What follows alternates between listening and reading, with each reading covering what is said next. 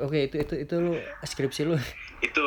Jadi Hmm. itu skripsi gua. Nah Hmm. dan setelah gue menyelesaikan skripsi gua itu komitmen gue selanjutnya adalah gua mau membahas di demand lebih ke atas lagi.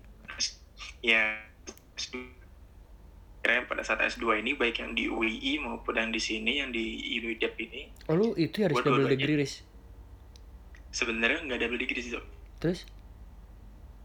Halo aduh anjing your internet connection unstable bangsat Riz halo gue mau dengar Oh, aduh bangsat internetnya. Padahal udah jam segini masih aja orang rame ya. Udah, kenapa sih pada ngenetnya gue jarang juga ngenet bangsat ini. gantian ya Iya. Tadi apa? Itu tadi skripsi lo. nah itu skripsi gua Kalau gue ulang berarti apa namanya? Kalau gue ulang yang lu sampein, gue berarti gue memperjelas gitu ya, Riz maksudnya. aman Soalnya aman putus-putus. Soalnya putus-putus.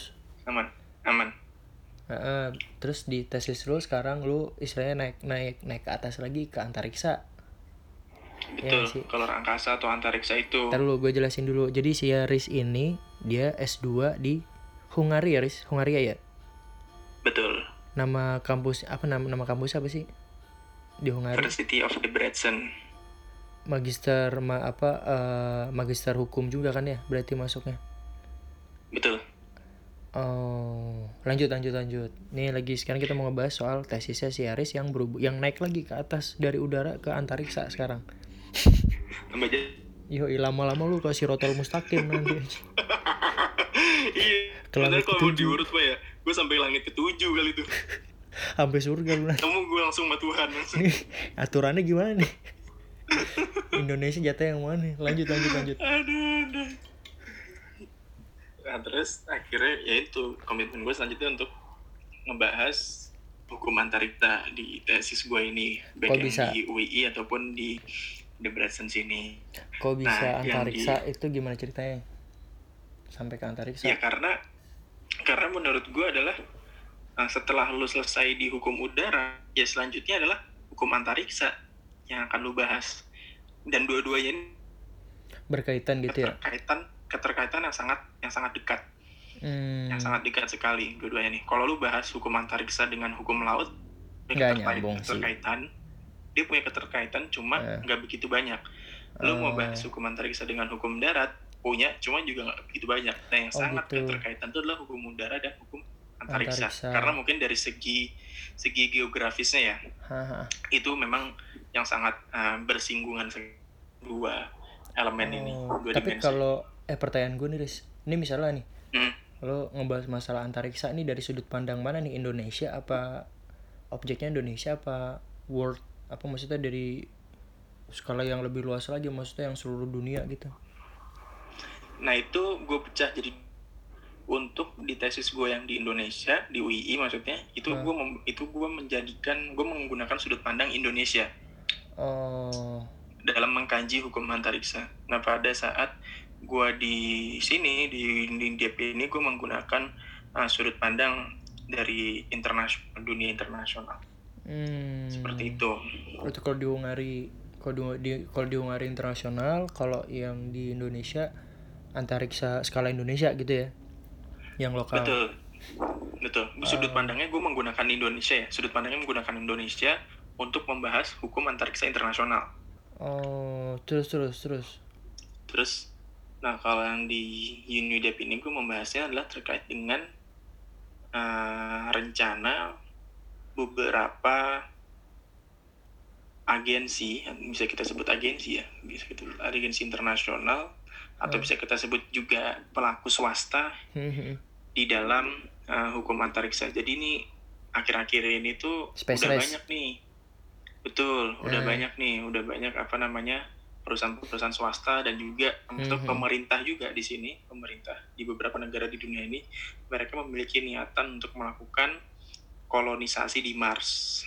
Ah, Sebenarnya pertama kali dicetuskan idenya itu melalui eh, SpaceX iya pertama. si Elon Musk Oh, ini ternyata kan dia yang pertama. pertama kali itu betul nah itu dilanjutkan Oh. oleh uh, NASA dan juga oleh uh, Ars One ada salah satu perusahaan swasta juga namanya Mars One dia juga dia akan uh, Itu base-nya apa di mana dia Mars One itu? Sorry. dan itu dia base-nya kalau nggak salah di US Oh US juga. US juga kalau nanti bisa dicek lagi gue lupa antara di US atau di Europe gue lupa tuh si Mars Ah, One tuh. haha. Nah, terus satu lagi itu adalah punyanya si Jeff Bezos itu Iya. melalui Blue Origin. uh, betul Blue Origin betul Blue Origin itu Nah, itu udah pada rame-rame tuh mereka tuh nah yang Oh. tapi yang udah benar-benar nge-announce bahwasannya untuk melakukan Mars colonization SpaceX. itu hanya beberapa itu hanya beberapa termasuk SpaceX yang menjadi Ah. pionirnya Ah, Nah, si si Elon Musk ini dia meng, istilahnya memproklamirkan ya, mempro- memproklamirkan gagasannya untuk melakukan Mars colonization tuh di tahun 2017 mm-mm. atau Iya, 2018 gue lupa. Di dua event yang berbeda. Event pertama itu adalah di SpaceX itu sendiri Mm-mm. di kantornya dia tuh pada saat itu. Palo, Al- dan yang Palo Alto kedua- bukan sih kantornya? Nggak penting. Apa? Palo Alto bukan sih yang di Palo Alto bukan ya? Ya itu deh pokoknya di kantornya dia. Sorry sorry. Terus Nah, terus yang yang yang kedua itu pada saat uh, IAC. IAC itu jadi namanya itu International Astronautical Congress. Jadi ada namanya Kongres Internasional Astronaut di mana tiap tahunnya tuh di kongres tersebut tuh seluruh pelaku uh, kegiatan luar angkasa tuh bakal diundang, Mhm. baik itu swasta, baik itu pemerintahan, baik itu NGO, baik itu individu, baik itu mahasiswa dan semua itu bakal diundang di situ. hmm. Nah, jadi si SpaceX nih dia udah bikin plan nih bahwasannya nanti puncaknya adalah di tahun 2044 kalau nggak salah dia udah 2044. memiliki udah memiliki settlement, udah memiliki pemukiman di di Mars. Tapi kan dimulainya kan di tahun 2020-an nih Mm, bener pertamanya. bener bener. Tapi kayak mundur Nanti lagi. di nih. 2020 sepertinya sih gitu, sepertinya Hmm. sih gitu. Terus terus. Nah, itu. Itu kan jelas sekali kan apabila di kaji melalui hukum antariksa internasional itu kan sebenarnya bakal bakal bakal dibilang akan melanggar hukum antariksa internasional karena Kenapa secara gitu? prinsip hukum antariksa internasional tuh tidak memperbolehkan siapa pun baik itu pemerintah swasta individu untuk mengklaim atau memiliki apa pun yang ada di luar di luar angkasa baik itu bulan baik itu Mars baik itu planet apa pun tentang black hole apa pun lah itu bentuknya uh, asteroid nah itu nggak boleh dimiliki pemerintah swasta Ah, ah. ataupun individu Oh gitu. Nah, Oh itu aturannya udah ada. Aturan udah ada dari tahun 1967 di dalam Outer Space Treaty 1967 dan juga dalam perjanjian bulan namanya atau sering dikenal dengan Moon Agreement 1979 Ah. itu udah di udah ditulis bahwasannya uh, apa namanya uh, all celestial body shall be prohibited from any sovereignty claims. I see. Terus terus. Nah, adalah Apanya kira-kira ada nggak Sorry. Di, di, di tesis ini Hmm. gue kaji kira-kira ada nggak satu celah atau beberapa celah yang bisa digunakan sebagai landas hukum untuk mengesahkan kegiatan Mars colonization. Jadi istilahnya di sini gue quote unquote mendukung uh, ide dari si si SpaceX ataupun beberapa uh, perusahaan lain atau uh, lembaga Ini Mars colonization tersebut. lo temen gua berarti ini. Dan cuma katanya. cuma kalau lu tak cuma lu kalau tak gue tapi lu setuju nggak dengan misalkan lu naik ke gue nih kalau misalkan ada orang lain naik ke gue tapi lu setuju nggak kalau eh, orang tuh hidup di kan jawab gue nggak setuju be honest Kalau kalau hidup di sana Iya, kalau hidup di sana dalam Meskipun jangka ya, waktu yang tepat, maksudnya dalam jangka waktu yang dekat gitu kan? Lo lo nggak setuju? Ah, gue nggak setuju mungkin gini ya Ka- karena itu Sorry Riz, putus-putus Riz. Halo halo. Halo. ide ide Sorry. Mars colonization nih Sorry sorry, putus tadi. Gimana gimana lu nggak setuju? Halo Riz, coba. Iya, jadi, jadi kalau misal ada orang nanya ke kalau misalkan tesis lu kan lu kan berarti mengatakan lu mendukung kegiatan uh, kolonisasi di Mars. Mm-mm. Iya, gue mendukung. Tapi lu setuju gak? Kalau Orang misalnya tinggal di orang Mars. tinggal di sana. Mm-mm. Nah, jawab gue gak setuju. Lah, Kenapa? kenapa lu gak setuju? Padahal Hmm. tesis lu sendiri lu mendukung dan Mars Hmm. colonization tersebut. Nah, alasan gue ya, alasan gue kegiatan Mars colonization akan bukan bukan impossible jadi possible lu bisa melakukan kegiatan tersebut Hmm. cuma akan membutuhkan waktu yang amat sangat panjang Panjang buat hidup di situ. Sudah hidup di situ tuh bukan lagi lu dalam tahapan yang masih fashion ya karena kalau yang si siapa si SpaceX ini kan penelitian dulu nanti kan Iya pasti. nah lu dan di mana terus jumlah di sana bagaimana Hmm. di sana bagaimana terus gravitasi di sana bagaimana Hmm. terus Lebih hidup dalam sehari berapa, sana. berapa jam apa enggak seperti itu bumi, Aduh, bumi kan kesel banget 24, gua. 23 sepersekian Iya itu. Kalau Ya, di lebih lebih lah lebih lebih cepet lebih cepet setengah jaman lah kurang lebih. kurang Setengah lebih jam gitu doang. kan Ah. tapi tingkat radiasi di Mars tuh sangat tinggi dibanding di Hmm. bumi Karena atmosfernya tipis ya nggak sih? nah itu betul nah Hmm. untuk apa namanya untuk mentackle hal-hal tersebut untuk mengovercome hal-hal tersebut tuh jangan kok misalkan Butuh apa nih sorry? uh, rencana butuh Buat- penelitian yang begitu panjang Hmm. agar lu bener-bener bisa nih tuh settle lu bisa hidup kayak kayak, kayak lu di bumi nih udah lu Hmm, hmm, kangong kang lu bisa kerja lu bisa apa kayak gitu kan hmm.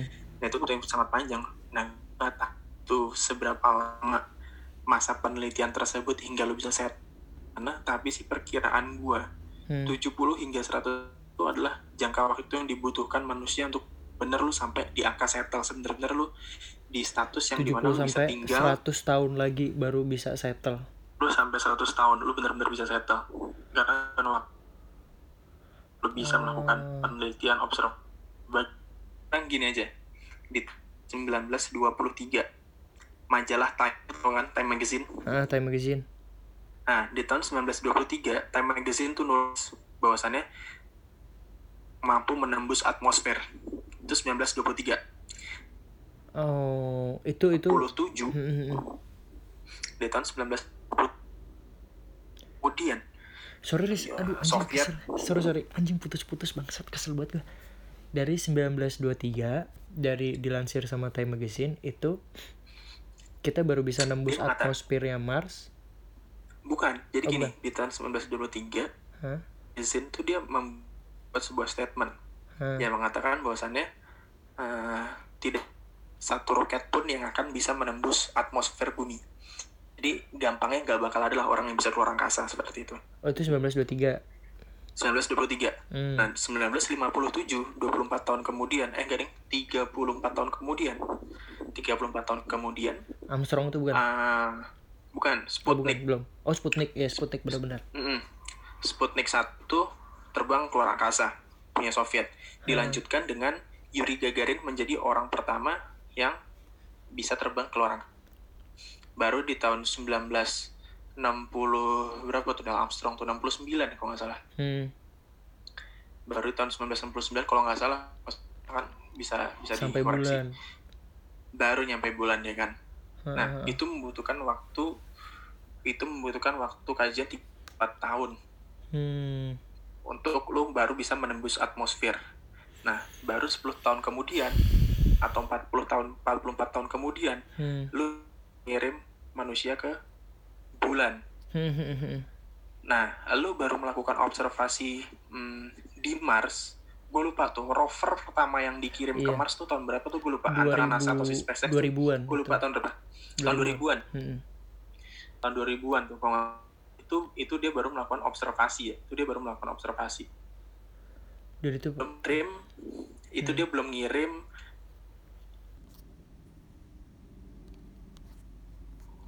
Halo Riz, denger gue Jo suara lu ya?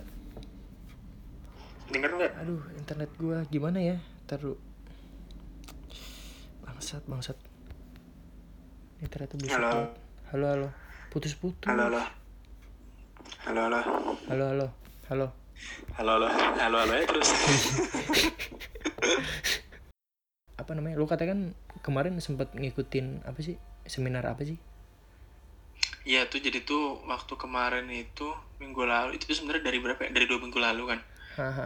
kan ikut ikut di salah satu organisasi internasional tentang antariksa namanya SGAC Space Generation Advisory Council. Nah, di grup SGAC itu itu rutin tuh dikasih dikasih dikasih info terkait apa conference apa pun itu tapi karena sekarang bisa seperti ini kan digantinya dengan webinar kan ah, ah, ah. nah ya udahlah ada satu nge-share hmm. bareng uh, salah satu astronot dari ya udahlah astronot Gua- yang dari gua- gua India ikut kan. itu dari India itu namanya si Oh. siapa sih Anima Patil itu oh. nah ya udah gue daftar ya? gue daftar ternyata ternyata lo harus ngirim abstrak buat seleksinya. Jadi ternyata tuh terbatas cuma buat 65 orang. Dan lu masuk dan di situ. 65 dan dari 65 orang itu yang non member itu hanya 20 sedang gue sedangkan gue non member dari uh, organisasi yang mengadakan event tersebut. Jadi organisasi yang mengadakan event tersebut namanya Euro Avia. Oh lu Nah, gua tergabung di dalam situ. Oh bukan member. Gue bukan member Euro jadi cuma 20 20 non member yang yang diberikan kesempatan buat bisa ikut webinar itu. Ya udahlah gue ngirim abstrak kan Oke. gue ngirim abstrak. Terus di, di kemudian dapat balasan kalau misalkan gue masuk ke dalam listnya ya udah gue Anjing. ikut aja. Hari Sabtu kemarin kok nggak salah apa hari Minggu kemarin? Lupa gue Hmm. Eh, hari Minggu hari Minggu kemarin tuh acara ya udah ini sama si Anima Patil itu astronot Ngebahas. dari India itu kan menjelaskan tentang uh, deep space program itu. Ah, dijelasin lah semuanya. Jelasin semuanya terkait dengan kegiatan-kegiatan dilakukan sama Hubble. Lu tau Voyager 1 gak sih? Voyager itu yang Ah. dia ngirimin piringan buat alien. Hmm, jadi Voyager Voyager tahun Di- 1960-an bukan sih itu juga? Voyager itu sekarang udah keluar dari udah keluar dari Bima Sakti dan mau masuk ke galaksi selanjutnya nih. Kok bisa tahu? Kan bisa ke track gitu ngetracknya bisa sampai sejauh itu Riz. Ya itu teknologinya seperti itu Jo. Jadi tuh sekarang tuh Voy- Voyager tuh udah keluar Bima Sakti dia nih. Dia udah mau masuk ke uh, galaksi galaksi karena kan sebenarnya targetnya si Voyager dia mengidentifikasi ada berapa banyak galaksi yang ada di alam semesta ini. Tugasnya Voyager itu Nah. misinya. ya misinya Hmm. itu. Hingga teruslah suatu apa namanya suatu jawaban bahwasannya kita nih hidup tidak di dalam satu universe tapi ternyata kita hidup di dalam multiverse. Oh oh itu dapetnya dari si Voyager. Dari Voyager itu. Dari dulu yang awalnya tuh dikira kita dalam satu universe. Satu universe itu terdiri dari triliunan galaksi. Nah dari triliunan galaksi itu salah satu galaksinya adalah Sakti itu kan. Nah dalam Bima Sakti itu baru adalah kita nih. Bumi bulan uh, matahari Venus dan lain-lain itu kan. Ah, nah dari si Voyager itu terkirim data bahwa cuma satu alam semesta doang nih yang ada di di apa namanya jagat raya ini. Tapi ternyata ada banyak alam semesta lainnya multiverse itu. Itu ih, seru sih Riz. Itu maksud gua galaksi ini maksudnya kita Bima Sakti aja belum kelar ya? Eksplorasinya Mm-mm. udah di galaksi lain lu percaya gak sih kehidupan cuma ada di bumi doang? Yang lebih gila ya?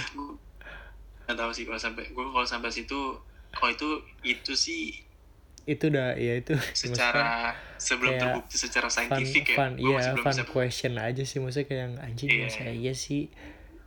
Apa namanya kehidupan cuma ada di bumi doang gitu. Soalnya cuma kalau misalkan hmm, memiliki memiliki kadar udara atau memiliki kenapa Riz? kalau misalkan planet lain yang memiliki kadar atmosfer atau kadar udara atau memiliki sumber daya air yang Hmm. sama seperti bu banyak Oh, tapi dia ada di nggak tahu itu ada di Bima Sakti apa di luar lagi Riz?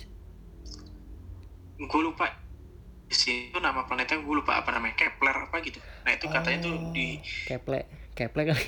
Itu bisa itu bisa dikaji bisa dikaji kalau itu manusia bisa buat buat iya, katanya iya yang ada yang apa namanya? planet itu Kayak jiplakan duplikatnya bumi lah. iya Ya, istilahnya kan denger tuh. Earth 2.0 itu Mm-mm. Tapi itu kan jadi terlalu jauh ya, kalau nggak salah. itu dia makanya Masalahnya kan dia jarak tempuhnya terlalu jauh. Harusnya itu kita pakai apa Oh, lewat lewat itu. tahun Kenapa? Lu ke Mars aja butuh waktu 2 tahun Bre. Nggak sampai, Riz. Ke Mars. ke Mars 2 tahun Jo PP itu. Oh PP oh iya benar Iya. PP iya dua tahun. Hampir. Hmm. enggak yang terakhir itu soalnya yang rover terakhir itu dia sekitar 7 bulan 8 bulan. Dari bumi. Iya dia itu kan sekali sekali jalan kan? Sekali jalan sih Iya. Ya setahunan ya setahun dua tahun lah bener sih sekitar dua tahunan. Dua tahun PP belum Kepler itu Kepler wah itu terlalu anjing itu Itulah. eksplorasi eksplorasi keluar tuh anjir lebih gila lagi sih. Mm-mm. dan kemarin gue nanya nih ke si astronotnya ini nih. Hmm, gue nanya gue nanya ke dia. Hmm. nah pertama pertanyaan gue adalah eh, agama lu apa bukan? Enggak. Oh enggak ya tadi sih kayak Hindu sih nggak Hindu Oh, Buddha. oh gitu lu nanya. Lu nanya apa? Gara-gara India. Terus gue sih tanya lah. sih di agama sih. sih. Yang kayak yang kayak Islam yang kayak Islam. Hmm, gue pikir terus terus terus sorry sorry. Gue tanya lah ke dia Hmm. apa namanya? Terus eh, seberapa berdampaknya nih COVID-19 terhadap kegiatan antariksa yang dilakukan oleh NASA? Ah, ah, ah, ah. terus di, dijawab lah sama dia ya, bukan NASA kali maksudnya di ISS di ISS tuh kayak gimana gitu kalau NASA kan cuma Enggak, Amerika gua nanya. oh NASA doang? gue nanya NASA doang. Spesifik. gue nanya, nanya, nanya, nanya NASA doang ya oh terus? gue nanya yang di bumi. Gue nanya yang di bumi. Oh ah. terus dia bilang ya ya udah kita semua WFH di sini. Dan dan nggak nggak masuk ke kantor sama sekali. Terus kegiatan keantariksaan juga eh, apa namanya beberapa waktu ini banyak yang dipending. Kok nggak salah terakhir ya kok nggak salah ya. Kok nggak salah terakhir tuh Maret Maret apa awal April gitu masih ada peluncuran roket keluar angkasa gitu. Iya Starlink bukan yang sih? yang di yang dilakukan sama sama NASA atau sama SpaceX ya. SpaceX. Indonesia juga melakukan sih sebenarnya. Indonesia Oh, juga iya? melakukan kemarin yang iya Nusantara 2 tuh tapi sama oh Nusantara dua? punyanya punyanya Cina. Dan itu gagal gagal gagal ngorbit kan kebakaran tuh roketnya. Itu yang punya yang punya Cina itu iya pakai roketnya Cina. Kebakaran kan di atmosfer. Nggak jadi deh. Oh iya. Terus Nusantara dua berhasil nggak? Iya nggak berhasil. Oh nggak berhasil juga dua-duanya berarti? Kagak. Nusantara 2 itu satelitnya. Nah satelitnya itu dibawa sama roket yang dimiliki sama Cina. Oh, oh dia nggak pakai SpaceX lagi. Ya kemarin tuh nah kemarin tuh kan gue update ya di Instagram story ya. Ah, di di di, di komen sama si Kido. Oh gitu. Di komen sama si Kido oh Kido kan kenapa dia kok dia satelit satelit juga kan kerjaannya. Ah, ah, ah, ah. terus Kido nanya ya iyalah nggak bisa ya iyalah gagal terbang. Orang orang buatan Cina dibilang kayak gitu. Gue ketawa lah. Terus dia bilang emangnya kenapa sih Riz kok nggak pakai SpaceX? Dibilang gitu. Ditanya lah sama si Kido hmm. waduh do SpaceX aja kemarin pakai Falcon 9 tuh udah berapa biayanya? Bilang kayak gitu kan. Iya benar. Terus masa ya ini pakai pakai pakai SpaceX lagi? Soalnya kalau pakai SpaceX Jo Hmm. lu tuh sampai mereka tuh sampai bikin live streamingnya loh. Gue lihat gue nonton tuh live streamingnya tuh. Iya yang yang Nusantara satu bukan sih? Yang Nusantara betul, Nusantara iya itu gue juga gue juga Gua nonton nonton live streamnya. Live streamingnya tuh. Nah yang si Cina nih kagak ada live streamingnya. Ah. Itu dia. Terus ya udahlah. Akhirnya kebakar seperti itu. Makanya sampai Aduh, kemarin kan Kemenkominfo Indonesia tuh bikin rilis Satelitnya- statement juga kan. Terkait kegagalan itu. kagak maksud gue berarti satelitnya hancur dong hancur udah orang roketnya hancur. Itu berapa ratus juta dolar bego itu? Nah itulah. Aduh tapi itu kan ya. di cover semua sama asuransi. Oh. Oh gitu. Ih kenapa nggak Gitu, pakai ya udah tuh. lagi ya? Nah, tapi gue gak tahu nih nanti kalau misalkan ini kan jadi ini harus jadi tuh gini, yang kasus Nusantara 2 itu Nusantara 2 itu dia mengudara tujuannya adalah untuk tipe Palapa 1. Palapa Hmm, ganti. 1 ngegantiin Palapa 1 itu Ah, fung, ah. Mm-mm. Palapa 1 itu fungsinya tuh untuk menyiarkan uh, siaran televisi sama siaran radio di Ah, Indonesia ah. untuk memberikan sinyal siaran radio dan siaran televisi. Hmm. Nah, si Palapa 1 ini per Juli atau Juni ini masa masa berlakunya tuh habis. Nah, kalau nggak digantikan, berarti akan berdampak kepada uh, siaran televisi dan siaran radio yang ada di Indonesia. Atau Oh. mudahnya ya bakalan mati tuh si siaran televisi atau siaran radio tersebut kalau misalnya diganti sama yang baru. Ah, Nah, ah. sedangkan si Nusantara 2 yang penggantinya tuh kemarin kebakaran. Nah, Ah, Pemerintah Indonesia harus sebelum masa berlakunya si Palapa 1 itu habis dengan satelit pengganti. Kalau nggak gitu akan berdampak kepada siaran televisi dan siaran radio di Indonesia. bisa mati tuh ya bisa. Tapi nggak semuanya ya. Maksudnya cuma beberapa beberapa apa namanya beberapa lembaga penyiaran. Oh, oh berarti Nusantara 2 itu misinya itu buat ngegantiin Palapa itu satu. misi Nusantara dua. Soalnya kalau yang. Nusantara Nusantara Nusantara satu itu kan kalau nggak salah dia berhubungan sama internet kan. iya betul. Nusantara satu tuh sama internet. Jadi apa namanya broadband Dan broadbandnya lebih menjangkaunya lebih lebih luas dan memberikan ini apa namanya kualitas internet yang lebih cepat itu kan salah satu proyeknya Jokowi yang ini kan tol langit Ah, tol langit, iya tol langit, ada lagi tol langit. jadi kalau pernah dengar tol laut Iya tol laut ya yang sering gue denger tol laut gue baru denger tol Ah. langit. Nah, ini tol langit. Jadi tol langit. Jadi itu namanya tuh palaparing. Namanya namanya tuh palaparing. Nah, cuma bentuk ah, abstraknya itu adalah tol langit. Jadi bentuk konkret dari tol langit itu palaparing. Jadi di mana seluruh Ah, Indonesia ini tercover see. sama jaringan internet. Oh. Tuh. Nah, itu pertanyaan pertama gue tuh ke dia tuh. Nah, terus pertanyaan kedua gue lah, Oh soal soal kegiatan itu. Hmm. Oh apa? yang yang di delay itu ya? iya betul. Terus dia cerita Nah, terus soal perta- sorry sorry. Ini buat buat ngulang lagi nih. Eh yang lu pertanyain tadi masalah kegiatan kegiatan NASA sama Hmm.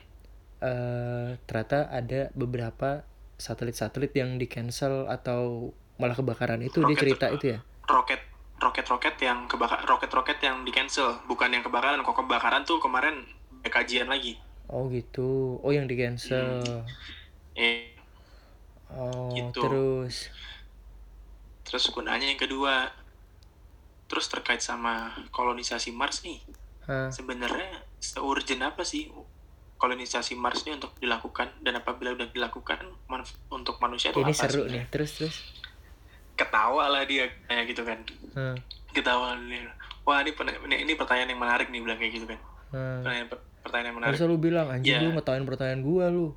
Gitu. Maksud lu apaan? Terus dia jawabnya gimana? ya udahlah di, dibilang sama dia sebenarnya ah ya mi- misi Mars ini adalah misi yang tidak pertama dia bilang pertama adalah misi yang tidak murah dan misi yang butuh waktu jangka panjang dia Betul. bilang kayak gitu dan kebermanfaatannya itu akan terasa di mana nanti apa namanya eh, beberapa beberapa proyek dari Mars eh, beberapa proyek dari SpaceX dan NASA itu udah udah udah Wow. terrealisasi di Hmm. Mars. Nah kalau untuk saat ini itu masih belum ada terkait dengan kebermanfaatan apa namanya eh, kegiatan yang dilakukan oleh NASA di di Mars kecuali kecuali research and Iya. Development. research and development. kalau research and development itu udah banyak sekali tuh terkait dengan apa namanya uh, Mhm. keuntungan yang yang bisa diberikan kepada umat manusia. Tapi kalau dampak secara langsung tuh masih belum bisa dirasakan saat ini. Iya benar. Da- Terus dia eh, bilang sebenarnya se- di dijawab juga sama dia. Kalau ditanya seurgent apa kolonisasi Mars untuk umat manusia itu sebenarnya adalah uh, Mars ini bukan dijadikan. Kok pendapat dia ya? mhm. Mars ini itu sebenarnya tidak dijadikan sebagai tempat kedua kita untuk hidup. Iya Bukan. benar. Jadi objektif objektifnya adalah bukan menjadikan Mars tempat kedua umat manusia untuk hidup, bukan. Mhm. Umat manusia tetap tetap Hidupnya di ah, bumi. apa namanya? Betul, untuk Hmm. tet- tetap tinggal di bumi karena mau gimana pun juga serusak-rusaknya bumi, se, se apa sejelek-jelek bumi, bumi masih menyediakan apa yang tidak tersedia di Mars, gitu Hmm. kayak gitu. Lebih aman lah ya istilahnya. Betul, istilahnya gitu lebih aman lebih aman di bumi. Tapi Mars ini sebenarnya adalah sebagai objek pengkajian. Hmm. Kalau misalkan situasi yang sangat mendesak atau situasi bener-bener ah, ya istilah shit happen lah, shit happen Hmm. di bumi dan itu membutuhkan manusia untuk backup plan. Hmm. Ya udah, Mars adalah backup plan-nya. paling seperti itu ya. Iya sih. Gitu. Mm-mm. Nah itu makanya dari dari nggak yang yang gue tahu sih Riz dari misinya misi terdekatnya NASA sama si SpaceX mereka ke Mars itu buat R&D itu research and development dulu kan. Iya, betul. Sejauh ini masih R&D semua. Nggak mungkin kalau misalnya mau langsung eh pasti kan mereka mau mau ya mau tahu dulu maksudnya possibility-nya kayak gimana apa segala macam. Mm-mm. Betul, Karena kan betul. kandidat pengganti bumi kan juga ada Titan juga nggak sih satelitnya Jupiter apa kalau salah apa Saturnus eh Jupiter ya Tapi ya itu, kembali lagi, kalau misalkan ke Titan, lu butuh berapa lama iya maksudnya buat buat salah satu apa namanya kayak opsi lain kan cuman kan kalau di Mm, Titan kan betul. nggak mungkin banget itu Hmm. Mars, Mars tuh Mars tuh di bener-bener yang paling apa ya? itu paling Dari segala sih dari seluruh dari seluruh pengkajian ya, dari seluruh pengkajian ya. Hmm. Salah satunya bulan. Sekarang gini aja deh, nggak usah nggak usah Titan, bulan. Kan paling dekat sama bumi kan bulan ya. benar-benar Karena satelitnya satelitnya bumi bulan ya. hmm. Nah, kenapa nggak bulan yang dijadikan backup plan untuk manusia Hmm, nah, hmm, tinggal di sana apabila shit happen terjadi di bumi kan? hmm. Dan jawabannya adalah karena di bulan itu tidak memiliki apa yang ada sedangkan di Mars itu karena di bulan nggak nggak memiliki sorry karena di bulan itu karena tidak karena bulan itu tidak memiliki apa yang ada di bumi dan apa yang ada di Mars. Ah, Nah, sedang di Mars itu memiliki apa yang a- apa yang ada yang ada di bumi. hmm, apa yang ada di bumi si Itu. Mars itu paling nggak ada karena karena di karena di bulan juga kan nggak ada atmosfer ya kan Royce Itu dia, dia nggak ada atmosfer, tingkat grati, tingkat gratifikasi, ah, gratifikasi lagi, tingkat gravitasinya itu lebih tinggi dibandingkan Hmm. di Mars. Kan lo lihat aja lah, ya meskipun sampai sekarang masih dijadikan perdebatan iya konspirasi dan si sebagainya tuh, Neil Armstrong yang di Mars itu kan. Ah, beneran. Ya lu lihat aja dia dia gimana pada saat dia landing di bulan kan? Hmm, hmm, hmm. loncat-loncat kayak gitu kan? Nggak nggak Hmm. stabil dia Nggak untuk untuk bulan. untuk berdiri. Nah, seperti itu. Kalau jadi base mah masih masih masih mungkin jadi apa sih tempat ngetem lah istilahnya. Mm-mm, buat seperti eh, itu. tapi gue mikirnya Riz ya kayak takdir gak sih Riz apa tuh? Paling deket Mars loh Riz dan itu tuh possible buat dihuni. Maksudnya ya dalam artian ya ada ada possibility buat dihuni gitu loh. Iya memang. Makanya Itu kayak dari seluruh takdir sih, adalah tujuannya adalah Mars. Iya gue mikirnya kayak takdir gitu anjing. Buset. Karena dia dari Lu pernah denger gak sih Yang misi Misinya eh evil, evil evil evil evil plannya si Elon? Pernah denger gak lu? Halo? yang mana tuh Ya itu jadi ada ada eh, ada dua cara buat terraforming Mars. Kalau menurut Hmm. gagasannya si Elon ya, Weh, si Elon Musk. mantap terraforming Iya terraforming. Maksudnya buat eh, terraforming itu buat yang nggak tahu ya. Terraforming itu membuat eh suatu apa namanya? Ngebuat gampangannya terraforming Mars itu ngebuat planet Mars biar layak huni kayak di bumi lah kurang lebih kayak gitu. betul Nah, si si Elon ini nge ngasih dua gagasan, dua opsi. Pertama, kita tunggu beratus-ratus tahun sampai atmosfernya menebal. Mm-mm. Pertama itu karena di sana itu kalau dingin-dingin banget, kalau panas panas banget. Iya kan? betul dia suhunya sama kayak di padang pasir drastis Iya, drastis banget. Nah, yang kedua, cara kedua eh North Pole-nya apa namanya? North Pole Mars itu di bom atom. iya tuh itu gila banget sih sampai Lu kepikiran pernah kayak dengar gitu kan? tuh Lu- orang Lu pernah denger berarti Eh, kan? apa? Iya iya, tahu gue tuh. Itu cara itu cara cara mempertebal dengan ca- apa maksudnya mempertebal dengan cara yang cepat gitu loh. North Pole di North Pole di di bom bom. atom aja. Kata dia gitu. Cuman gimana. ya nggak tahu sih ya maksudnya plan-plan apa namanya mana mana yang lebih baik. Cuman katanya plannya dari si Elon kayak gitu kita tunggu sampai beratus-ratus tahun buat siap Hmm. huni apa ya bom aja. North Pole goblok sih. Itulah. Tapi seru sih itu. Emang iya ya butuh sesuatu yang inovatif tapi men, men- menjorok kepada gila sih. Kalau nggak gitu ya nggak bakal gimana lagi gitu kan cuman ya itu kayaknya emang takdir sih kayak makanya gue mikirnya kayak eh, hidup tuh nggak berakhir di bumi anjing Mm-mm. Oh aduh, kalau itu sih gue belum tahu ya. gue mikirnya ya gue mikirnya kadang sekelibetan sempat mikir kayak gitu sih kayak hidup nggak berakhir di bumi dia berakhir di Mars kayaknya karena emang kayak takdir banget gitu loh Riz gue mikirnya ya sekelibetan Hmm. udah yang Betul. paling deket terus dia eh maksudnya ada possibility lah maksudnya buat Ya. kita bisa hidup di situ gitu itu kan isunya sebenarnya udah dari untuk- tahun 2000-an itu Kalau untuk apa? Kalau untuk saat ini sih enggak lu lu bakal ngomong misalkan lu ngomong ya kita tuh Nah. bakal berak bumi ya kita tuh berarti gitu. di Mars itu oh gitu nah misalkan misalkan lu Eh. ngomong kayak gitu kan nah nah untuk saat ini lu ngomong kayak gitu ya istilahnya orang lain tuh bakal lu ngomong apa, lu lu ngayal aja dah lu oh lu halu, lu hablu kayak hablu gitu. iya hablu. Iya kayak gitu kan. Hmm. Mhm. nah itu kondisinya sama kayak tadi gue bilang. Pada saat waktu Time Magazine di rubriknya di tahun 1923 nggak bakal ada roket yang bisa nembus atmosfer. atmosfer. Iya. Tapi Sama. di, di 34 tahun kemudian ada. Sama res kemarin itu si eh lu tau gak sih SpaceX itu roket yang Falcon itu yang bisa balik lagi? Iya betul. Itu dikritik sama Neil Armstrong kapan yuk dulu pernah si si Elon pernah ngomong Oh, iya? sendiri eh, eh, di di interviewnya sama 60 Second kalau nggak salah hmm. lu pernah denger gak sih apa tahu nggak sih Belum, maksudnya belum.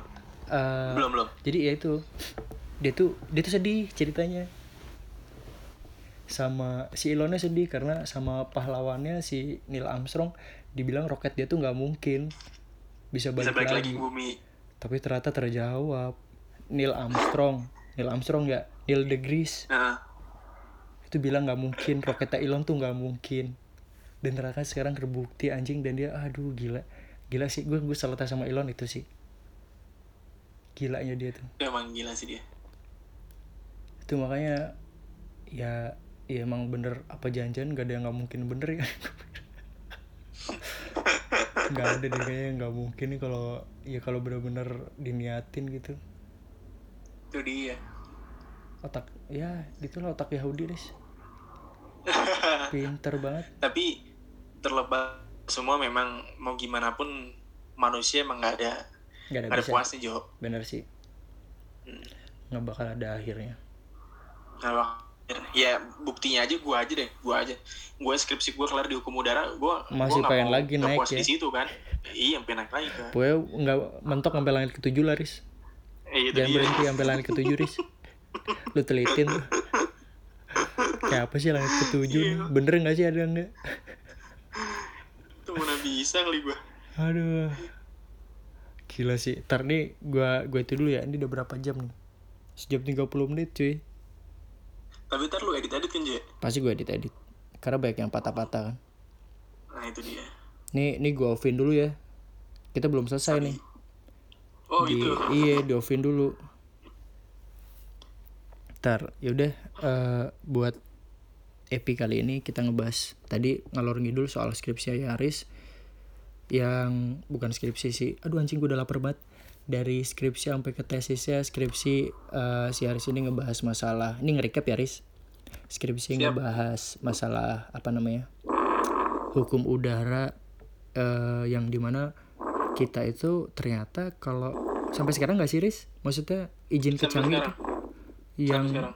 yang sampai sekarang ini masih bisa bisa jadi bahan apa ya? Maksudnya biar biar lo melek melek kondisi juga ya ternyata sampai sekarang kita kalau misalnya mau mendarat di Natuna itu kita mesti izin ke Changi Airport dulu. Istilahnya izin ke Singapura dulu baru bisa mendarat di sana ya?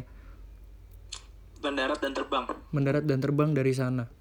Itu gue juga anjing gue juga kaget sih sebenarnya. Ternyata seperti itu gitu loh. Teknisnya tuh kronologisnya seperti itu gitu. Gue baru tahu.